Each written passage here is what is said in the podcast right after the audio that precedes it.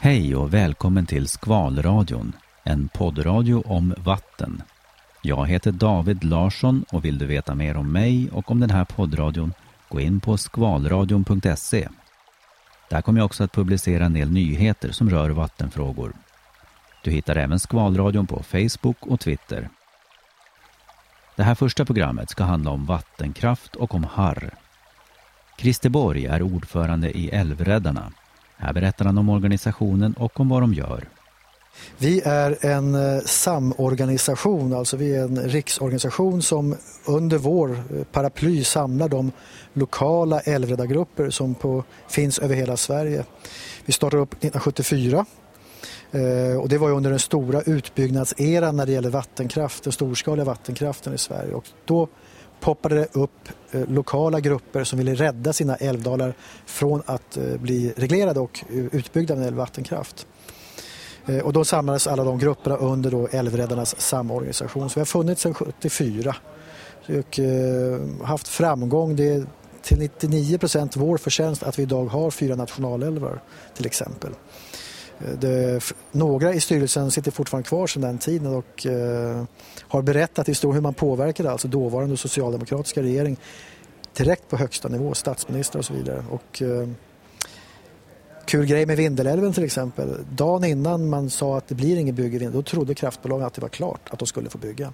Men vi visste och ministrarna visste för vi hade lobbat på dem. Så det var, man brukar säga så också att vi var den organisation som faktiskt började med politisk lobbying i Sverige på tidigt 70-tal. Det började med lokala organisationer som sen samlade sig i en, i en stor riksorganisation. Ja, eller sagt, de är kvar de lokala grupperna så de finns ju fortfarande. Men Eh, paraplyorganisationen för frågan på, på riksplan, alltså mot, i, i, första hand mot regering och riksdag kan man säga. Så det var den nivån man ville komma upp till. Samla alla grupperna under ett paraply. Så de lokala grupperna finns kvar också och det är, det är de lokala grupperna som har rösträtt i föreningen. Eh, vi har ju idag tre, närmare 4 000 medlemmar, eh, stödjande medlemmar, alltså privata enskilda. Men de har alltså ingen rösträtt i själva föreningen så organisationen är uppbyggd att det är de lokala grupperna som har rösträtt på årsmötet så att säga, och väljer riksstyrelsen. Vad är det ni vill? Vad är det ni gör?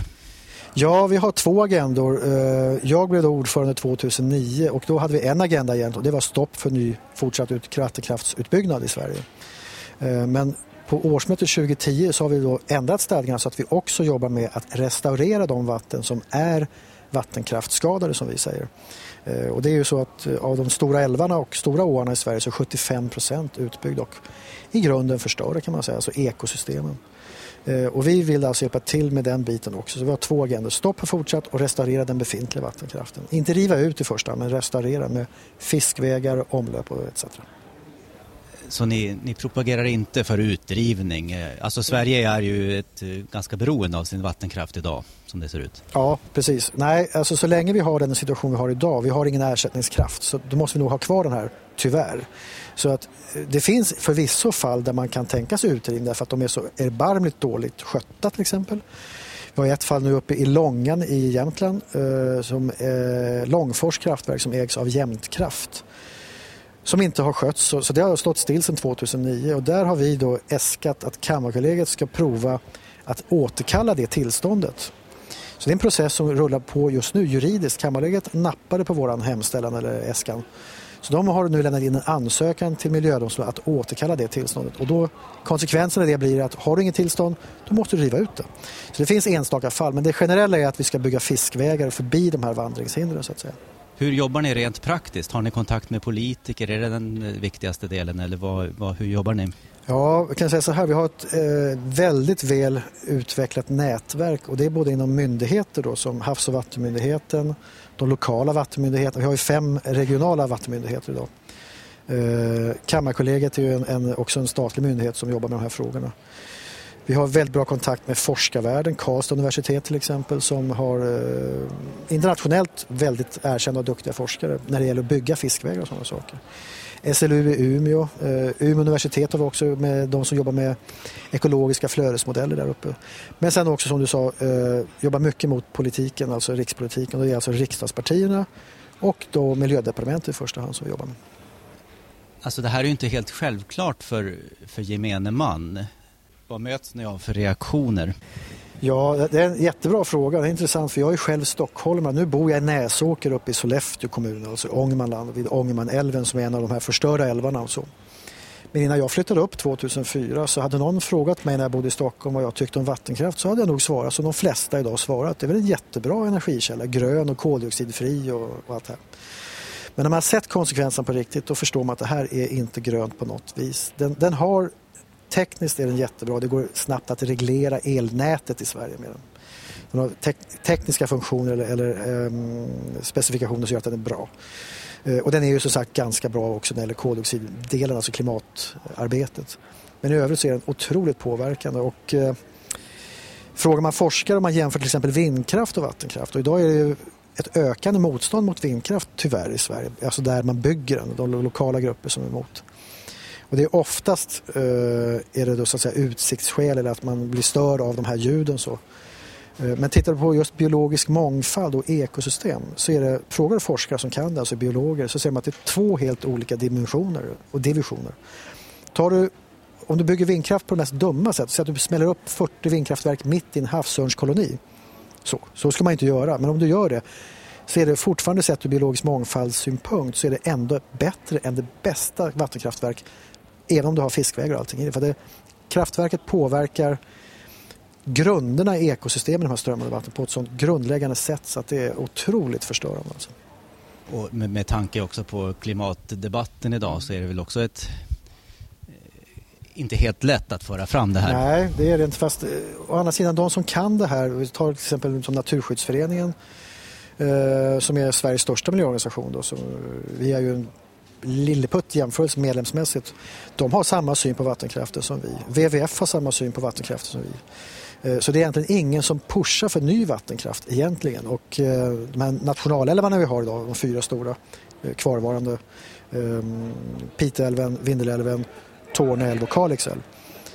Det finns inga som helst tendenser att man ska bygga ut dem. Liksom. Så att det, finns, det lever kvar en anda sedan 70 80-talet att nu får det vara bra med vattenkraft i Sverige. Så att, eh, men, men som du säger, det, de flesta tror nog att det är en grön energikälla och det är det inte. Ett exempel på hur den skadar, att, att den skadar lokalt förstår ju alla. Om du har en damm så att fisken inte kan vandra förbi. Då kan den inte leka. Lax kan inte leka Ål kan inte komma upp till sina uppväxtområden. Ål som har, som har varit i Sverige i 20-30 år ska tillbaka till Sargassohavet för att föröka sig. Strimlas till småbitar i, i turbinerna i kraftverken och så vidare.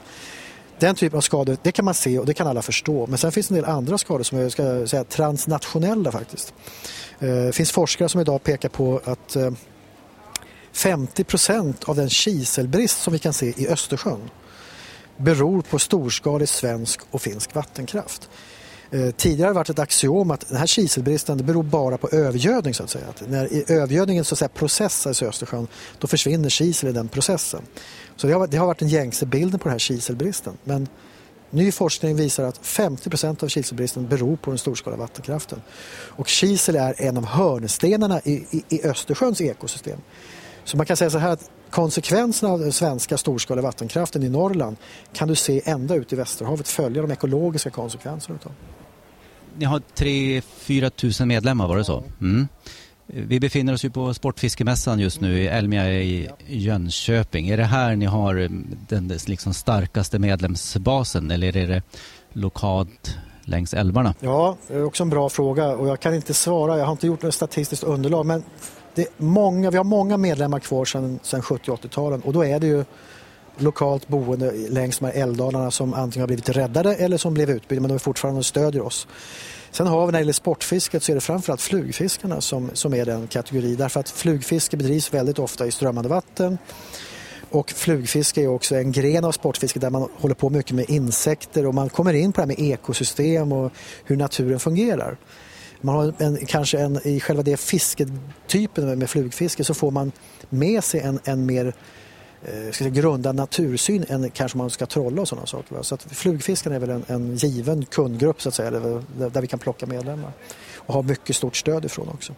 Sen är det så, det ska vi inte glömma att tala om att eh, när det gäller sportfiskebranschen så har vi stöd från alla typer av leverantörer i Sverige och butiker och vi har ett väldigt stort stöd. Så. Mm. Så vi är tacksamma för. Fiskar du själv? Ja, jag är fritids eller sportfiskare Tyvärr hinner jag inte så mycket. Jag skulle vilja hinna mera men faktum är att det här jobbet är ju ett heltidsarvoderat eh, jobb som jag sköter som ordförande och eh, det gör att eh, det blir inte så mycket tid. Men jag har, jag har på gång att börja flugfiska till exempel. Jag tycker det verkar vara en otroligt intressant del av sportfisket, lite kontemplativt. Att betrakta också och lugna ner sig och studera. Och inte bara dra upp massa fisk utan det är ett sätt att förhålla sig till naturen och att umgås med naturen som jag tycker, det, det, det passar min syn på det hela. Jo, alltså lite kort om eh, lagstiftningen kring vattenkraft. Det är, ju, det är ju det du har att utgå ifrån då i ditt arbete. Hur, om jag har förstått rätt då, så, så bygger vattenkraften på gammal lagstiftning. Hur kan du förklara det här? ja, det alltså det är en... Eh, när jag pratar om det här så jag, jag blir faktiskt så arg så jag har svårt att hålla mig. Alltså det, det är helt vansinnigt. I, I Sverige så har vi en modern miljölagstiftning som heter miljöbalken. Den kom 1999.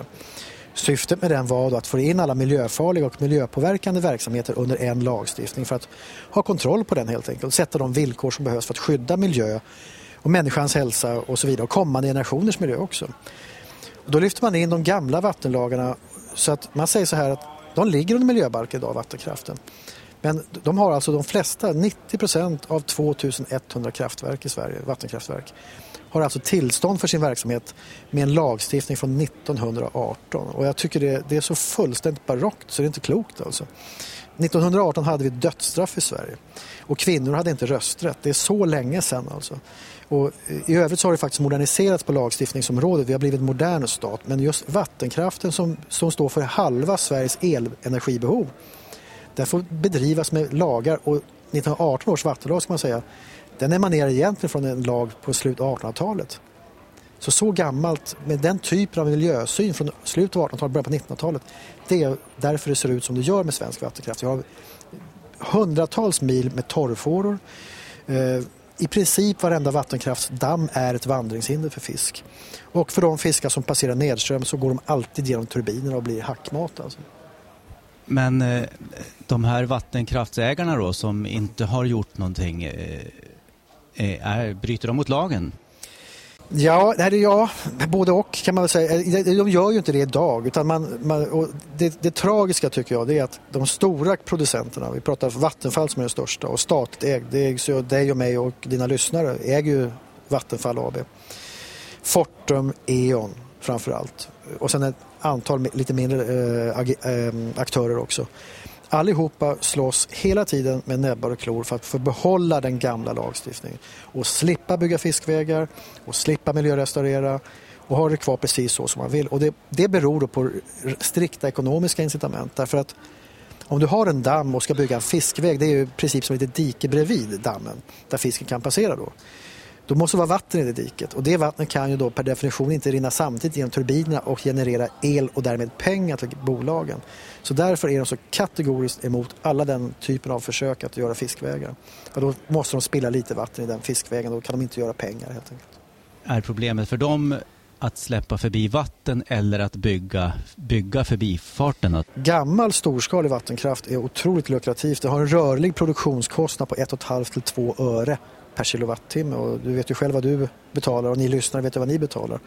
Nu har vi haft extremt låga elpriser ett år på grund av att det var väldigt mycket nederbörd 2012. Men eh, förmodligen kommer priserna gå upp nu igen då, om det blir ett normalår i år. Jag menar, historiskt har legat på 40, 50, 60 öre per kilowattimme så det, det är en ganska god marginal man har. Så, va? Så kostnaden för att bygga fiskvägen är inte så stor egentligen för dem. Det är inte det, utan det är att man i all evighet sen ska spilla vatten i fiskvägen som man då alltså inte kan göra pengar på. Det är därför man och då räknar man ut det här som är väldigt ekonomiskt kanske relevant Så Man säger om du spiller 5% av totala vattenföringen i en fiskväg. Då är det 5% produktionsförlust. Då tar man det med 4% bankränta och räknar framåt i 50 år ränta på ränta på ränta och då blir det fantastiska belopp. Så. Och det är det man presenterar för politiker och sådär. Det är jättesynd om oss om vi ska tappa, man säger att det är en förlust. Man, man pratar om det som att det är en förlust. Och det är en nomenklatur som är helt vansinnig också. Det är ingen förlust. Det är en minskad intäkt, en eventuellt minskad intäkt i framtiden. Det är ingen förlust för fasen. Så hela, hela språkbruket runt vattenkraften det, det, det, är så belammat med gammalt mentalt tankegods från 50 och 60-talen så att vi har en otroligt stor uppgift bara att få politiker och folk att börja tänka, förstå problemets art så att säga. Va? De här gamla tillstånden i vattenkraften, det finns inte någonting liknande på någon annat plan i Sverige. Om du har en pappersmassefabrik eller någon kemfabrik då är du tvungen att ha de filter som behövs på, för att minska utsläpp till luft och till vatten. Och staten går inte in och betalar de filterna. Det får du som verksamhetsutövare betala själv. I vattenkraften är det så att när de ska bygga en fiskved då tycker de att staten ska betala den och sköta den. Det är helt jättemärkligt. Fiskvägen är ju så att säga ett, ett, eh, en skyddsåtgärd för att minska miljöskadan av verksamheten vattenkraften. Det ska de själva stå för. Vi har faktiskt skrivit på eh, Rio-konventionen om biologisk mångfald och där i den kom det här med PPP in, Polluter Pays Principle, alltså att förorenaren eller den som skadar miljön betalar själv med sina egna pengar och åtgärdar skadorna. Så.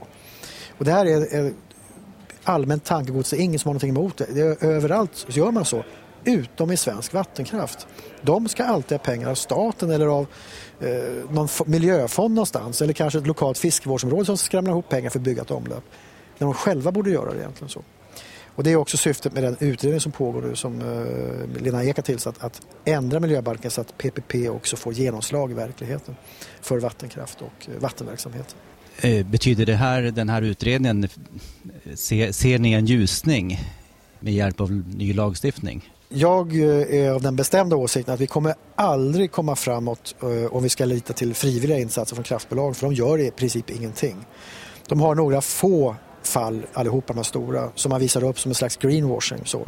Vattenfall har Stornorrfors i Umeälven. Ehm, Fortum har gjort lite grejer i Karlstad, eh, Klarälven alltså. E.ON i Ätran och Mörrumsån. Men det är få nedslag i verkligheten och man gör inga andra insatser någon annanstans. Så. Eh, så enda sättet att komma åt det här är med en ändrad lagstiftning där man alltså tvingar dem till alltså hålla sig för lag, nya lagar helt enkelt. Det, det ska vara fiskvägar. Eh, det får inte vara några torrfåror man får inte reglera hur som helst. Och det, är också nämligen, det är inte bara det här med fiskvägar, vattenkraft har många olika konsekvenser. Men när man reglerar de stora älvarna till exempel så kan alltså i en sån här regleringsdamm kan vattennivån gå upp och ner med flera meter på ett dygn. Det här betyder jättestora konsekvenser för allt liv i det här. Och det är också sådana saker man tittar på, att man ska reglera långsammare till exempel så att djurlivet hinner med i svängarna så att säga. Bland annat. Men lagstiftning är det enda sättet att komma framåt för de frivilliga insatserna är i princip inga alls. Har du en förhoppning att lagen kommer att ändras? Ja, det tror jag. Ehm, vi lobbade väldigt intensivt under 2011 och det mot riksdag då. Jag besökte samtliga partiers ledamöter från näringsutskottet och miljö- och jordbruksutskottet och pratade om de här frågorna. Det slutade så småningom i oktober 2011 så höll riksdagen en hearing, eh, en öppen utfrågning om vattenkraft vs biologisk mångfald och då var vi inbjudna så jag fick prata fem minuter. Eh, Stefan Nyström som är generalsekreterare på Sportfiskarna fick prata fem minuter och så var det två företrädare för vattenkraften och sen var det en massa myndigheter som pratade. Och då kom det fram väldigt tydligt hur illa ställt det är och efter det så har då Lena Ek, när hon blev miljöminister, tillsatt en utredning som heter Vattenverksamhetsutredningen och den pågår just nu. Den leds av Henrik Löv som normalt sett jobbar på Svea hovrätt, Miljööverdomstolen.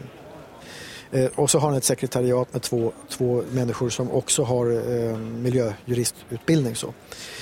Och till det så har regeringen delegerat 27 experter och där är en, en av dem är då jag så jag sitter med i den här utredningen. Och, eh, jag kan då inte avslöja vad vi pratar om exakt men jag kan säga så mycket att jag tror att det kommer bli ganska stora förändringar. Eh, och det är faktiskt tvunget att det måste bli för om det inte blir det då kommer det inte hända någonting. Och då är det så att då går Sverige som nation klockrent rakt mot ett fördragsbrott mot EU-fördraget. Därför att EUs direktiv de står över svensk och nationell lagstiftning. Eh, och är det då så att vi inte uppnår de miljömål som EU i vattendirektivet som det heter har satt, då kommer vi definitivt med 100% säkerhet att åka på rullande viten, alltså böter. Och de, det är per dag. Eh, för tillfället så bryter vi mot ett direktiv och det är datalagringsdirektivet och där är summan böter uppe just nu i runt 250 miljoner. Eh, och det här är ingen, den som sitter i regeringsposition, det är ingen bra sak att gå till, till en, en, eh, en, val med en sån påse pengar som ska då fördelas på skattebetalare och betala böterna. Och får vi inte ny lagstiftning när det gäller vattenkraften då kommer vi att begå fördragsbrott och då kommer det böter. Och det tror jag är, jag tror vi måste ge oss och då är det lagstiftning som kommer bli ändrad helt enkelt. Sen hur många år det här kommer att ta och så vidare. Och det, vi har ju starka motstående intressen. Svensk Energi som är eh, organisationen som samlar de svenska elproducenterna de jobbar ju stenhårt förstås mot detta och kommer när slutbetänkandet, den här utredningen, är klar och presenterat så är det en remissrunda. Och då kan vi nog förvänta oss att eh, Svensk Energi kommer att lobba direkt på ministernivå då mot eh, Anna-Karin Hatt eh, och ehm, Annie Lööf, gissningsvis. Och därför kommer vi istället då från Älvräds sida att nu under detta år så kommer vi att skicka in en anmälan till EU-kommissionen att vi håller på att begå ett fördragsbrott. Och det är för att få kommissionen att skriva ett brev till staten Sverige och fråga vad håller ni på med? Så att det liksom går att fortsätta åt rätt håll nu. För att påskynda processen? Ja, och framförallt, det finns ju många myndigheter och många som nu hoppas på den här processen. Så. Eh, och vi förstås självklart, och Naturskyddsföreningen och WWF. Många, alltså alla, samtliga miljöorganisationer är på banan i det här. Men som sagt, det finns starka motstående intressen och de har mycket pengar och starka lobbykrafter. Så det finns en risk att man halkar av det inslagna spåret. Va? Och därför menar vi, tänker vi strategiskt att om vi nu anmäler Sverige, staten Sverige till EU så att vi får ett brev från EU-kommissionen med en fråga vad håller ni på med? Så det är ett sätt att fortsätta på inslagen väg och ändra lagarna helt enkelt så att det blir gjort. Och lite snabbare kanske också. Är ett stort vattenkraftverk eh, värre än ett, ett litet? Ja, intressant fråga. Den får vi ganska ofta. Ja, alltså rent kvantitativt kan man säga att i en stor älv där kanske det har passerat tusentals laxar en gång i tiden. Så rent nummermässigt så är det så förstås. Uh, har du en liten å nere i södra Sverige så kanske bara var en gång i tiden kanske 10 eller 15 laxar som passerade. Men själva påverkan på ekosystemet är exakt identiskt i, i den lilla ån. Så att den lilla ån blir lika fördärvad och lika förstörd som den stora älven så att säga. Eh, och då ska man också, när det är på småskalig vattenkraft, eh, så är den på ett plan egentligen värre därför att den tillför så otroligt lite energi. Av de här 2100 kraftverken i Sverige så är det 10% 210 stycken som står för 90% av energiproduktionen. Och vi har alltså ungefär eh, 1900 småskaliga vattenkraftverk som står för eh, 10 bara utav elproduktionen. Så det är, och de allra minsta de här som det finns kryllar av, väldigt, väldigt små mikrokraftverk kan man väl kalla dem för. De, de är, tillför så homeopatiska små mängder energi så att skulle man ta bort alla dem, alltså tog du bort 500 av de minsta så skulle inte ens darra till nålen på Svenska kraftnät. De skulle inte se att det försvann den strömmen. Det är så lite. Men de förstör så otroligt mycket där de finns. Alltså att, eh, den småskaliga är inte ett dugg bättre på något vis. Men där har du då mm, som motpart om man ska säga det inte stora bolag utan du har enskilda, enskilda små näringsidkare på landsbygden. Så att, Eh, hur, hur, ser du på det? Är det svårare? Mm, ja, nej, ja, alltså de stora är ju som de är. Det, det går inte att prata med dem överhuvudtaget. Så det, det är bara lagstiftning och bonka på och, och uh, leta upp uh, villkorsbrott i verkligheten och anmäla dem helt enkelt till Länsstyrelsen och polisen. Vilket vi gjorde i höstas. Så anmälde vi Fortum för två kraftverk i ett biflöde till Ljusnan som heter Galvån. Och där har polisen nu inlett en förundersökning alltså om miljöbrott. För de hade inga tillstånd alls på de kraftverken. De småskaliga kan på ett sätt vara lättare att hantera så därför att de är som du säger enskilda många gånger. Eh, så. Um, så att jag ska säga generellt så är det nog så att det finns en större andel i den småskaliga som ändå vill göra rätt. Och det är lite märklig eh, paradox för de har egentligen mindre resurser eftersom de tillverkar så lite el så det finns liksom inga pengar att bygga omlöpen med där egentligen. Så på ett plan så är det lättare att ha med dem att göra men det finns också en stark, stor grupp med starka motståndintressen även där. Men jag tycker nog att den småskaliga är lättare att hantera, lättare, det finns mera vällovliga eh, aktörer där som vill åt rätt håll kan man säga. Men eh, generellt så är, eh, så är det samma problem även där. Både de ekologiska och biologiska problemen och hur man ser på saken. Man tycker att man håller på att tillverka grön energi och, och rädda klimatet med det här. Vilket är helt fel alltså. Ja, jag tänkte avsluta med en fråga. Vad, vad har du för bakgrund? Ja, jag är inte biolog då eh, och inte jurist heller utan jag eh, är faktiskt från, har varit säljare, professionell säljare i många år. Uh, har fyraårig teknisk utbildning, alltså gymnasieutbildning i grunden. Så, uh, jag halkade in på den här banan av en slump kan man säga. Det är som det är i livet och det var 2006 som Vattenfall kom till Näsåker där jag bor, vid Ångmanälven.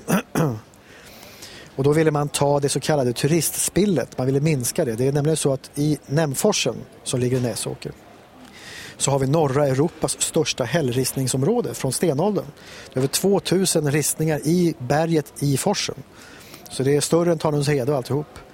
Ehm, och där släpper man på sommaren, där är det alltså en damm, ett kraftverk byggt 47 och en damm och torrfåra. Men på sommaren så är man enligt dom tvungen att släppa vatten där i den här forsen för att man ska få tillbaka eh, den kulturella kontexten helt enkelt. Och då släpper man 125 kubik i sekunden.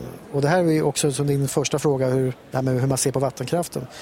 När jag flyttade dit från Stockholm och hörde att man spiller 125 kubikmeter vatten i sekunden så det sa mig ingenting. Men jag förstår att de sover oroligt på nätterna Vattenfall för det är, det är ungefär 10 miljoner in, förlorade intäkter varje sommar. Så. Då kom man dit 2006 och ville eh, minska det här spillet och se kanske duger det med 50 kubik i sekunden istället. Va? För det är väldigt mycket pengar för dem att tjäna på det.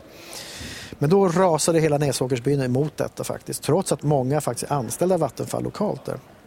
Så vi hade en demonstration eller manifestation nere vid älven när de kom dit Vattenfall och skulle visa det här för de hade ringt en tiotal myndigheter och organisationer som skulle titta på hur det skulle se ut med en minskad vattenföring. Det var i september 2006.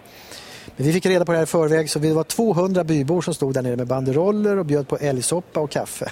Och vi hade SVT Mittnytt med oss, eller SVT eh, från Sundsvall, Sveriges Radio och Teppas Fåhlgren direkt sen i, i här P1-programmet. Så det var fullt pådrag och då vaknade mitt intresse för hela frågan och sen dess har jag bara kört på helt enkelt. Så jag har läst in kan man säga hela frågan eh, på frivillig eller på, eh, inte studerat på universitet utan gått några kurser sen eh, kan man säga om klimat och energi till exempel på CEMUS i Uppsala och sådär. Så att, men jag har väl förmågan kanske då att istället skaffa ett helikopterperspektiv så jag tar in vad teknikerna säger om vattenkraften. Jag, jag förstår de tekniska kvaliteterna i det hela. Jag har bra kontakt med myndigheter och forskare på alla sätt så att jag skapar en helikoptervy så vi, vi är, och det ska vi också vara väldigt tydliga med, vi är inte en sportfiskeorganisation. Utan vi jobbar med biologisk mångfald och ekosystem. Man skulle kunna jämföra oss med, med Naturskyddsföreningen faktiskt, för att vi är helt fokuserade på strömmande vatten. Så. Men om vi lyckas med vårt arbete så gynnar det givetvis sportfiskarna. För att idag är det så att de flesta sportfiskare vill fiska på naturliga bestånd som är självreproducerande så att säga.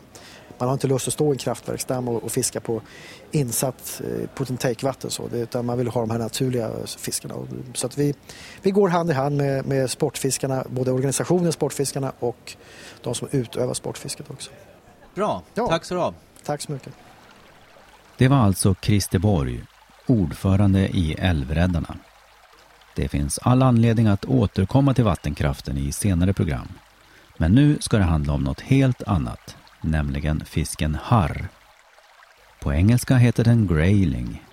På 70-talet startade The Grayling Society i England och från och med i år så har sammanslutningen även en svensk representant, Harry Salmgren, som här berättar om sällskapet och om fisken. Det är ju så här att Grayling Society det har ju funnits ganska länge och eh, under årens lopp så har det utvecklats så, så att fler länder har, de har velat ha så att säga en fot i fler länder och har, då har man utsett eh, någon form av områdessekreterare. Va? Och, så jag har blivit områdessekreterare här i Sverige. Finns det något svenskt namn på den här organisationen? Nej, jag har gjort så här eftersom det har ju funnits harrsällskap och det har funnits Svenska harrsällskapet och det har funnits sådana där sammanslutningar men som de har upphört av olika anledningar och så vitt jag vet så finns det nog inte någon sån där aktuell egentligen registrerad eller så. Eh, samtidigt så tänkte jag att, att kalla det för Harrsällskapet tyckte jag var som att ta någon annans namn. Så att det jag gjorde det, det är alltså att när jag presenterar det här då säger jag det är, ja, det är ett harrsällskap som eh, heter The Grayling Society och vi förkortar det till GS. Vad är The Grayling Society? Ja, det är en sammanslutning som man kan säga formades 1977 och en av dem som mm, satt ihop det var Ron Broughton och det är ett gäng forskare och det är ett gäng fiskeentusiaster och, och framförallt är det ju engelsmän eh, från början då. Och för att eh, harrfisket har ju varit väldigt populärt i England efter att det har varit väldigt eh, hårt beskattat också då man ville ha bara öring i älvarna och kalkströmmarna. Så då anställde man ju folk för egentligen att fiska upp harren och sköta om vattnet på det sättet. Men det har ju blivit en omvärdering så nu för tiden är man väldigt omsorgsfull och tar hand om harren där. Och den heter ju också på ett, med ett annat ord Lady of the Stream och det är ju ganska fint namn för en fin fisk. Vad är det som är så speciellt med harr just? Det är kombinationen, det jag tycker det är kombinationen och det tror jag fler delar med mig av att det är en slank fisk, den är vackert formad, den har en väldigt speciell och eh, ryggfena som skiftar i solnedgångens alla färger när man får den vid rätt tid på året. Och det är en väldigt vacker fisk och stridbar när man får den just genom att den har den där stora fenan och framförallt har, har en mycket mäktig fena. Så ställer den, när de spänner upp den så blir det väldigt kraftig motstånd i strömmande vatten så, och det gör den väldigt eh, trevlig att fiska. Var hittar man den här om man vill fiska den? Ja, här närmast, vi sitter i Jönköping nu, så att här närmast hittar du den i Vättern. Sen finns det uppe i Klarälven och sen finns det så att säga norröver. Men man kan säga eh, ja, Älvkarleby eh, där bortåt och Tyttboforsarna där borta finns det. Och så, alltså, överhuvudtaget, ju längre norrut du kommer ju mer allmän blir den. Vilken eh, typ av vatten ska man leta i om man vill fiska harr? Ja, här har vi ju Vättern som sagt var så att sjö, sjöar finns ju, alltså stora sjöar, kyliga sjöar, klarvattensjöar, där finns ju harr. Kan finnas alltså, och längre uppåt finns den ju ofta i sjöar. Eh, men även strömmande vatten till exempel. Det finns ju ett av Sveriges mest kända strömmande vatten, det är ju Kaitumälven till exempel. Och en av de mest kända fiskekampen, om man nu ska göra reklam, va, eller nämna någon, det är ju bland annat Tjornajokk fiskarkamp som ligger vid Kaitumälven. Och där, det fiskevårdsarbete som har gjorts där, det har ju lett till väldigt, väldigt fin eh, harrstam. Det har ju forskats på den och det har ju, de har dykt på den och tittat på täthet och bestånd och så vidare. Så det, det, där ser man att det ger någonting tillbaka även till fiskarna att ta hand om beståndet så att säga. Man har infört bland annat minimimått, eh, fångstbegränsningar och så vidare. Och catch and release, alltså att man fångar den och sen släpper och återutsätter fisken. Försiktigt naturligtvis och det får man lära sig så att man hanterar den rätt med blöta händer och så vidare. Och det här ser man att det ger resultat? Ja, absolut. Jag vet första gången jag fiskade där i början, eller slutet på 80-talet, 90, början på 90-talet då var ju medelstorleken inte lika stor som den är idag tycker jag. Va? Nu alltså, du kan nog räkna med en 40-45 centimeter i snitt alltså på harrar nu. Va? Och jag vet alltså, om jag nu tar min egen erfarenhet, eh, den största jag har fått där det var 63 och det är, nu för tiden tror jag du ser mycket större alltså harrar. Även om de är svårfångade i och för sig, va? men du kan se de här killarna jag pratade med alldeles nyss till exempel i montern här, de hade ju varit förra året där och fiskat och de sa att de, de, de har aldrig sett så stor genomsnittsstorlek alltså nu. Och det har ju Ingemar Kristell som har skött kampen tidigare också vittnat om.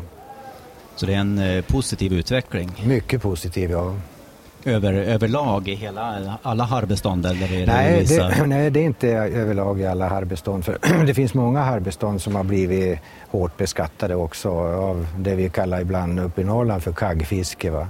Man, man har ju tagit urskillningslöst, eh, alltså harren då. Men, eh, men överlag är det ju meningen just med det här sällskapet, eller det jag har som dröm det är ju det att vi ska som uppmärksamma den för den fina fisken och den resursen den är i vår natur. Va? Och värna den och även kanske försöka utöka dess eh, utbredning. Här i södra Sverige vet jag att det är hårt. Eh, lagan hade ju harr någon gång eh, ända in på 60-talet vill jag minnas. Men den är ju utdöd som sagt var. Och sen har man ju försökt i Jönköpings län här hade vi på 80-talet en mycket driftig fiskerikonsulent som hette Birger Al Almer. Och han var ju väldigt intresserad just av harrfrågan och det var väl ett 20-25-tal sjöar som han försökte få eh, till ett harrbestånd i. Men eh, det är bara i någon enstaka av de sjöarna där man har fått en återfångst något eller några år efteråt. Så att, eh, något varaktigt bestånd har det inte blivit. Eh, The Grayling Society, det är om jag förstår det rätt alltså en, eh, en organisation med, som gör eh, lite allt möjligt. Det är en intresseorganisation och en även samlar forskare inom området. Ja, precis. Ja, exakt. Och de, de, de jobbar ju även alltså med de här miljöfrågorna. Något som kan tyckas vara lite speciellt är väl det här just att de har Alltså just att restaurera bestånds eller vad heter det, eh, biotopen eller habitaten för, för eh, harren. Men även har de försökt restaurera och lyckats restaurera då, eh, de här insektsbiotoperna som harren behöver för att frodas. Eh, där har man sett till exempel på grund av då jordbruk och andra mm, påverkan, utdikningar och sånt där, att den här insektsfaunan som harren behöver, den har eh, utarmats. Och då har man gjort så alltså att man har försökt återskapa den miljön då, så att insekterna har kommit tillbaka. Så det har man också lyckats med. Och det är ganska unikt alltså med den bredden tycker jag som The Grayling Society tar sig an alltså de här frågorna.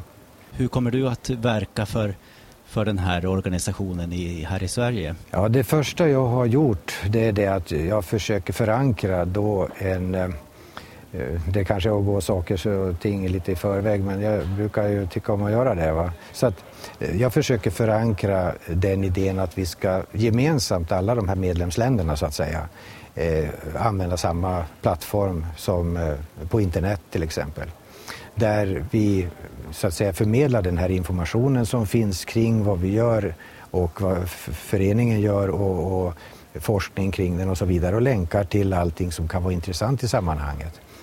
Eh, sen eh, tycker jag också att som medlem, för det är ju så att vi erbjuder medlemskap då, och jag vet inte om jag ska ta någon summa för det, men, men det är okej. Okay. Det är 365 kronor i dagsläget per år då. Och, och, för det då får man ett välkomstpaket och så får man en tidskrift två gånger per år då. Eh, plus att man får en förteckning över harrfiskeställena då i England. Eh, än så länge. Va? Men det är ju också en förhoppning att kunna utveckla det så att det ska kunna bli harrfiskeställena i Slovenien och det ska kunna alltså överhuvudtaget eh, ta in många sådana här nya områden där, där vi tidigare inte visste att det fanns så fina harrfisken som det finns. Va? Och, och, även återställningsarbeten och, och sådana här restaureringsarbeten som görs där. Va? Fiskodlingar och sånt där. De odlar ju harr till exempel i stora fiskodlingar som är väldigt lyckosamma och som Eh, vi har mycket att lära av egentligen. Och just den där informationen, att sprida den på det sättet skulle jag tycka var intressant. Sen eh, är det så här att jag tänkte mig att som medlem då försöker jag få till stånd också att knyta an några stycken eh, ställen som visar på ett bra sätt att hantera fiska och även bevara beståndet eh, som, som här sällskapet skulle kunna som besöka och, och få fiska i, till ett subventionerat pris för att man är med i harrsällskapet just. Va? Och några områden har jag som haft kontakt med och som har varit positiva till just idén. Va? Vad har du för bakgrund som fiskare? Du har hållit på länge. Ja, jag har hållit på med fiske sedan jag var liten. Eh, jag vet, jag, första gången egentligen jag kom i kontakt då, och det var ju egentligen med flygfiske också. Då jag var fem sex år eller någonting och farsan han var jägmästare så att eh, och han hade internationella kontakter i USA. Då, då var det just en amerikan som kom på besök och vi bodde då i en liten, ett litet samhälle som heter Olofsfors, eh, söder, fem mil, sex mil söder om Umeå. Vid en å som heter Leduån så sa farsan till mig sådär mest på skoj då när jag var liten att jaha du imorgon får du ta med honom ut och visa han fisket här nere för där fanns det stora harrar. Det var nämligen det stället nedanför sista forsen ut mot eh, havet då, där alla, för då på den tiden var det kättingfabrik och då gick alla arbetare ner där och fiskade harr med sådana här långa bambuspön. Och så stora harrar har inte jag sett tror jag sedan dess egentligen. Va? Men det var ju lekharr de tog, vilket man absolut inte ska göra nu. De leker ju på våren. Va? Så att det, var, det, var ju, det visste inte, det tänkte man inte på då att man beskattar just på den goda gene, genetiska förekomsten som var då. Va? Men då, då följde jag med den här amerikanen dit till den forsen och när jag såg han där i solen och det där, hans bambus, eh, splitcanespö som det heter, när han stod och viftade med det, då blev jag väldigt sådär som, ja, intresserad av det. Och kvällen innan hade han ju visat de här naftalindoftande flugaskarna då. För det var ju naftalin man hade då för att det inte skulle mala och buggs i det. Så att det, det var kul. Och, ja, ja, jag kan göra den historien väldigt lång för att det handlar om mycket där. Men, men det, var, det var första, mitt första kontakt med, med riktigt fisk och, som tände. Så harren leker på våren eh, nu eh, just nu i början av april eller senare på våren? Eh, den, eh, ja, den leker ju egentligen, kan leka tidigare också. Va? Så att eh, det kan den göra. Det, det, är lite, det beror ju lite grann på vad det är för vattendrag och så. Där i Ledån, där var det ju Forsen var endast, det var endast den delen som var öppen egentligen på våren när man började meta den. Så att det var ju fortfarande istäckt eh, å längre ner va, så att säga. Så att det är ju ganska tidigt den börjar komma upp på lekplatserna. Och sen leker den ju senare så att säga, men den samlas ju, den börjar ju samlas där. Jag tror vi nöjer oss så där. Jag tackar så jättemycket. Ja, ja, okay. ja det var Tack. jättekul att träffas. Det var det första programmet av Skvalradion. Hoppas att det gav mer smak. I kommande avsnitt ska jag beröra vatten ur en rad olika perspektiv. Det blir bland annat en del om fiskar och annat djurliv, om vattenvård, om Mälaren och Slussenprojektet och mycket annat. För att hålla koll på när nästa program dyker upp, gå in på skvalradion.se. Där hittar du också länkar om du vill komma i kontakt med Älvräddarna eller Harry Salmgren och The Grayling Society. Och följ gärna Skvalradion på Twitter och Facebook. Tack för att du lyssnade.